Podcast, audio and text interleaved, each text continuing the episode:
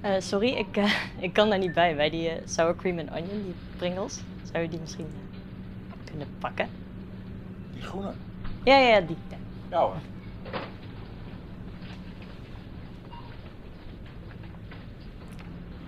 Alsjeblieft. Dankjewel.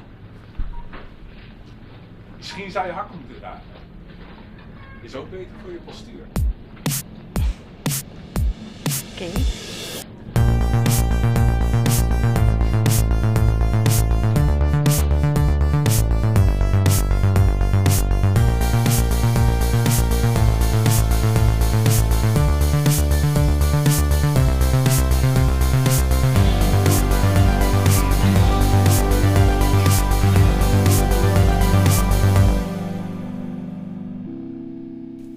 Soms ben je niet voorbereid. Heb je geen zin? Heb je een rotdag? Heb je spierpijn of honger? Hou je je even niet bezig met de ruimte om je heen en degene die zich daarin bevinden? Denk je even niet aan of je haar wel goed zit? Soms ben je eventjes niet aan het werk of je bewust van hoe je eruit ziet of god verhoede heb je een biertje te veel gedronken na het werk. Ben je in een gesprek geraakt waarbij je hoofd zich verder eventjes rustig houdt en zich eindelijk even op één ding kan concentreren. Vergeet je een keer niet om gewoon plezier te hebben. Vergeet je even dat er altijd iets of iemand is waardoor je wordt gezien. En het zijn meestal die momenten die die mannen, want sorry, dat zijn het altijd, pakken. Het komt vaak uit het niets en dat is denk ik waarom ik nooit echt goed reageer. Ik bedoel, het is niet dat ik wil dat al dit soort interacties eindigen in ongemak bij mij of zelfvoldaan gegrinnik van de man in kwestie. Maar ik weet gewoon vaak niet wat ik moet doen. Ha! Je gooit als een dartpijl. Ja, Ja. als een vallus. Wat het ook een beetje is, is natuurlijk dat. ehm weet je, wat je aandacht geeft, dat groeit natuurlijk. Hoe bedoel je? Ja, dat het ook een beetje is wat, eh, wat die mannen natuurlijk leuk vinden. Wat die mannen willen is een bepaalde reactie. Op, ja, maar dat vind ik eh, altijd- roepen. En, en als jij dan zeg maar daar meteen zo tegen ingaat, ben je en op dat moment krijg je, geef je ze precies wat ze willen. En na de hand ben je alleen maar aan het denken van, van, van eh, nu boze gedachten. Ja, maar ik, ik weet niet zo goed wat ik anders moet doen. Ik bedoel, het is een beetje alsof je zegt, ja oké, je krijgt een klap in je gezicht, terwijl je het het minst verwacht. Want ik liep gewoon mijn boodschappen te doen of ik loop gewoon op mijn werk of iets. Maar je mag niks zeggen, want anders wordt het erger. Nou, je, je hoeft niets te zeggen. Ja, nou, ja, maar Je kan ook niks zeggen. ja, dat weet ik, maar ja, nou ja, je kunt gewoon niet winnen, weet je. Je hoeft ook niet te winnen. Wat je, wat je wil, is je wil niet winnen. Je wil gewoon een beetje je eigen ding kunnen doen, toch? Nou, ik weet niet. Misschien is het niet de meest praktisch handige reactie, maar ik denk dat als je, dat als je zeg maar, ik moet ook nog een keer gooien. Ah, kut. Ehm, dat als je, misschien je zegt ja, je wil niet winnen, maar ik denk dat als je je zeg maar zo aangeschoten wilt voelt op zo'n moment, misschien wil je dan wel winnen. Of je wilt in ieder geval dat het niet. Ja, wa- wat je, wat je denkt is dat je wil winnen. Maar je wil uiteindelijk niet winnen, want er is niks te winnen. Je krijgt geen prijsje, je krijgt geen extra salaris. Als je eh, goed genoeg reactie verzint Nou ja. of, of eh, daarna boos genoeg over praat. Ja, maar ja, die, wil die structuren. tijd aan kwijt zijn. Ja, oké, maar die, je zegt je krijgt een extra salaris, maar die structuren die hiervoor zorgen, voor dit soort microagressies, wil ik bijna zeggen, eh dat zijn Ja. natuurlijk wel dezelfde die, die ten grondslag liggen aan inderdaad het inkomensverschil. Dus misschien krijg je dan wel meer salaris uiteindelijk. Nou, ik denk dat als jij meer salaris wil verdienen, zou ik je niet bezighouden met de grote structuren. Maar met zoveel mogelijk tijd en, en aandacht kunnen geven aan je persoonlijke ontwikkeling en, en, en werk. Maar dat is gewoon wat me zo mateloos irriteert hieraan. En ik, ik, bedoel, ik weet dat je het goed bedoelt, maar dit, ik word hier Het echt is best niet wel... om vervelend te doen. Nee, dat weet ik. Alleen, het is allemaal mijn verantwoordelijkheid. Het, het, het niet uitlokken, maar vervolgens als je het uitlokt, en dat bedoel ik dus... Ja, Maar het gebeurt jou. ja het gebeurt mij omdat het is ik... jouw verantwoordelijkheid hoe je ermee omgaat. Ja, nou ja. Ja, ik weet niet. Nee, vind ik, vind ik eigenlijk niet. Maar ja, wat ik al zei, je kunt niet winnen. Je kunt Als niet je- goed je- doen. je- ja, nee, maar je kan het ook niet goed doen. Het enige wat je kan doen is denk ik proberen er zo min mogelijk mee bezig te zijn. Zo min mogelijk tijd aan uit, te- aan uit te geven. Het is allemaal een resource, hè? Ja, dat is natuurlijk wel makkelijker gezegd jij, dan gedaan. dat je- elke uur dat jij aan het nadenken bent over wat zo'n zo'n stomme lul die zijn hele leven bij de supermarkt werkt. eh, eh, dat je over hem aan het nadenken bent, ben je niet bezig met eh, een nieuw restaurantconcept, een nieuw dingesconcept. En daardoor ga je steeds verder achterlopen. Ja. Daardoor haal je niet uit je leven wat je eruit kunt halen, wil halen. Voelt gewoon echt heel erg als de omgekeerde wereld dit. Ik, ja. Maar goed, jullie zijn. Ik denk dat we eigenlijk misschien een plekje moeten vinden waar, het wat, eh, waar de grond wat gelijker is. Omdat je aan het verliezen bent. Nee, omdat volgens mij dan, ja, je ziet er gewoon hoe de Ik dingen ben wel aan het winnen. Toen ik de was opvouwde tijdens een informeel overleg via Zoom, was ik ineens het wasvrouwtje.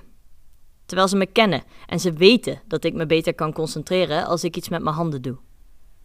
Tijdens een borrel met mijn nieuwe werkgever ging het opeens over mijn zwangerschapsverlof. Terwijl ik op dat moment zat te roken en we ook net een wijntje hadden besteld. De communicatie met de eigenaar van de kroeg waar ik ooit werkte kon gewoon beter door een mannelijke collega worden gedaan, zeiden ze. Was gewoon praktisch en ging meestal sneller. Zo is hij. Het is echt niet meer dan dat. Er stond Guys and Doll boven een e-mail. Het duurde eigenlijk best lang voordat ik doorhad dat ik de doll was in dit verhaal. Op een kerstborrel vroeg een collega aan mijn date hoe hij dat nou deed. Gesprekken met mij voeren zonder ruzie te krijgen. Het ergste was zijn vriendin, een vriendin van mij ook, die schouderophalend zei: Ik blijf hier buiten. Ik vind dat wel een eh, bijzondere carrière van Mark. Dat je, dat je dus gewoon eerst super slechte hip-hop aftreksels maakt. En dat je dan acteur wordt. Probeert nog even. Ik ken hem dus alleen als acteur. Ah ja. Misschien is dat net dat eh, een paar jaar eh, dat je dichter bij de doop bent. Ga wel. Hop. En nou.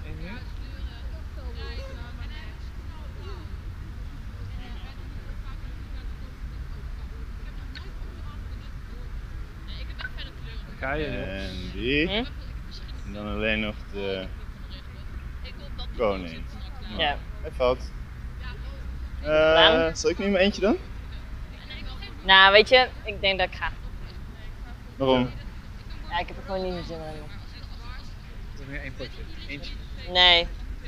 Nee, houden jullie het spel je maar even hier. Ik huis. Wat? Wil je nog een biertje? Nee, nee, nee. Ik wil gewoon naar huis. Oké. Zie jullie morgen, oké? Gaat het wel? Ja, het gaat wel, maar ik wil gewoon naar huis. Tot later.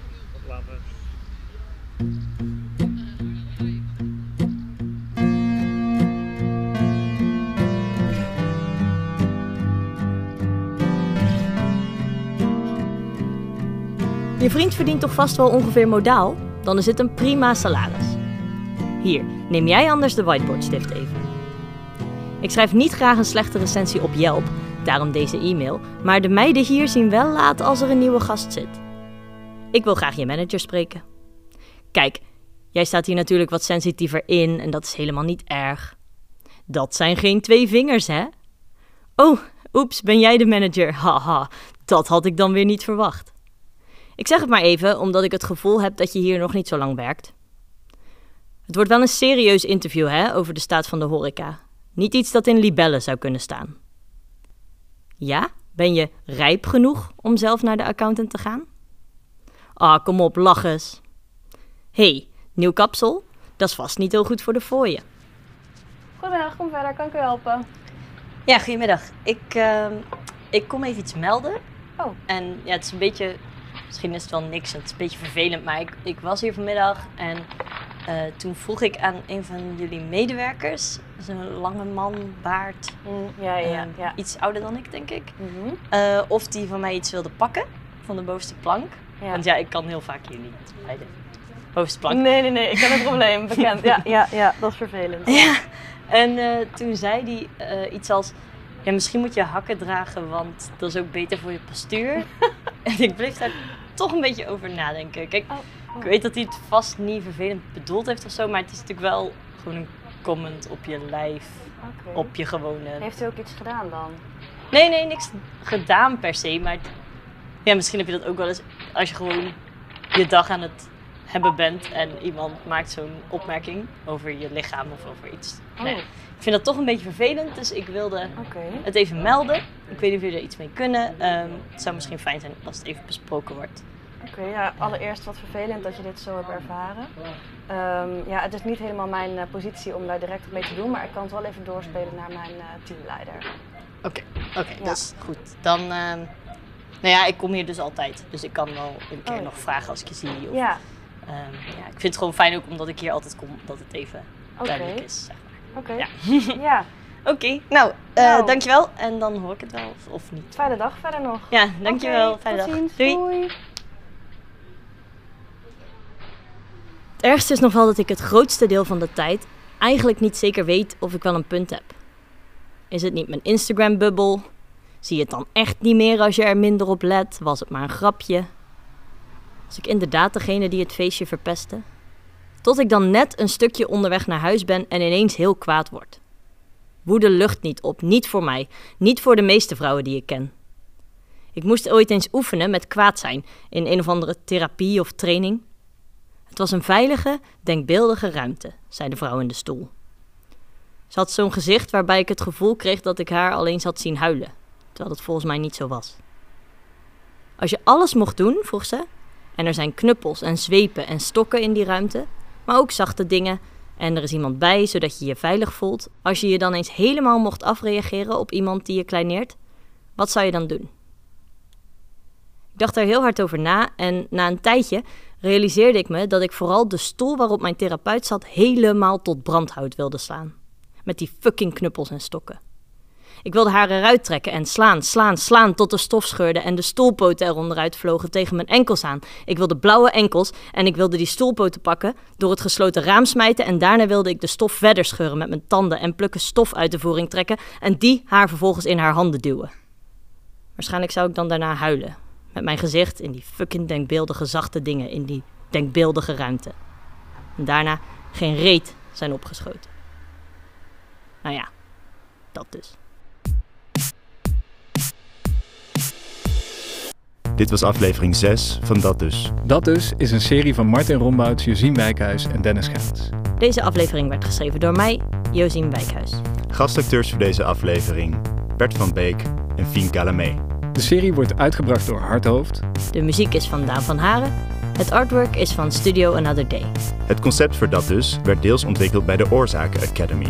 En deze serie wordt mede mogelijk gemaakt door het Nederlands Letterenfonds, Schakel 025. En de Nieuwe Oost Wintertuin.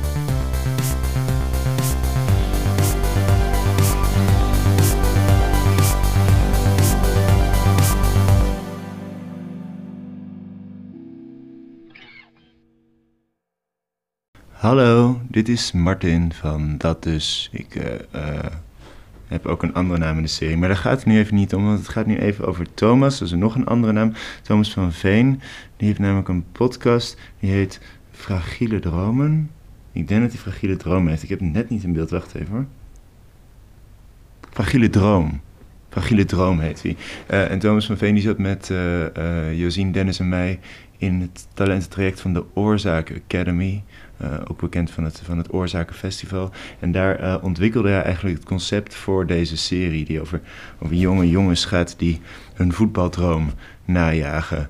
Ehm, eh, ik zat te denken of ik een goede voetbalanekdote heb. En ik, ik, heb, ik heb er eentje, namelijk mijn grote held. Ik kom uit Rotterdam. Mijn grote held was toen ik jong was, was Pierre van Hooijdonk. Put your hands up in the air, put your hands up for PR.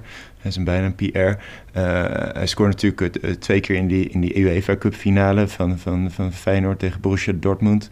Ehm, en ik heb één keer ben ik in, in de Kuip geweest. En daar heb ik hem ook eh, toen zien scoren tegen de Graafschap. Feyenoord de Graafschap 2-0. Eh 1-0 Pierre van Hooijdonk, kopbal 2-0. Eh, eigenlijk in een counter in de laatste minuten Thomas Buffel. Ehm, maar eh, Pierre van Hooijdonk was altijd mijn grote held. En ooit moest ik, eh, had ik een soort van slecht horecabaantje. En, en zoals ik eh, ehm, bij het NAC Breda stadion... en daar moest ik soort van in de VIP-lounge... moest ik de garderobe doen. Het was een hele rare avond. Het was nog een moment dat iemand me een briefje van 50 gaf. En ik dacht, jeetje, wat geef jij veel fooi. Maar hij dacht dat hij moest betalen. En dus gaf hij een briefje van 50 aan mij. En toen zei hij, oh, jij bent een goochelaar. Um, maar Pierre van Hooydonk was op dat moment was hij technisch directeur van, van NAC. En um, uh, toen, ik was eigenlijk de hele avond, dacht ik al van, oh, Pierre van Hooydonk, hij komt natuurlijk naar die business lounge, hij komt naar die business lounge. En toen kwam hij op een gegeven moment, kwam hij die business lounge inlopen. En toen had hij Ux aan.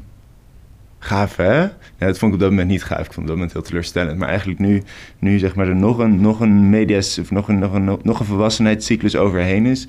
Um, vind ik het eigenlijk weer gaaf. Uh, veel plezier met de teaser van Fragiele Droom van Thomas van Veen. Over voetbal. NPO Radio 1 Podcast. Podcast. We stralen uit. Wij zijn Feyenoord. Wij gaan dadelijk bepalen wat er gaat gebeuren. Durven, voetballen, spelen naar kwaliteiten, in de duels komen, van je afbijten, niet te lief zijn, brutaal zijn ook en laten zien dat wij de baas zijn. Ready? Ja! Ready? Ja! Je hebt vast wel eens gedroomd. Van iets groots, maar wat nog moeilijk te bereiken is. Ik wil je graag voorstellen aan twee jongens met zo'n soort droom. Het zijn twee broers die allebei in de jeugd spelen bij een Nederlandse profclub. Ze willen ooit, net als vele anderen, betaald voetbal spelen. Ik ben Eli de Ruiter, ik ben 13 jaar oud en ik speel bij Feyenoord. Mijn grootste droom vervullen is bij Liverpool te spelen. Eerst wil ik bij de Kuip spelen en daarna pas in een andere club omdat ik al heel lang in de jeugd zit van Feyenoord. Dus dan kan ik dat afmaken. Dan kan ik naar een andere club gaan. Daar kan ik dan mezelf bewijzen. Ik ben Feliciano, voetbal bij Haag. Ik droom ervan om uh, Spanje te spelen, Italië, Engeland, Manchester City, Liverpool, Barcelona, Real. Dat ik de beste van de wereld word vanaf die club.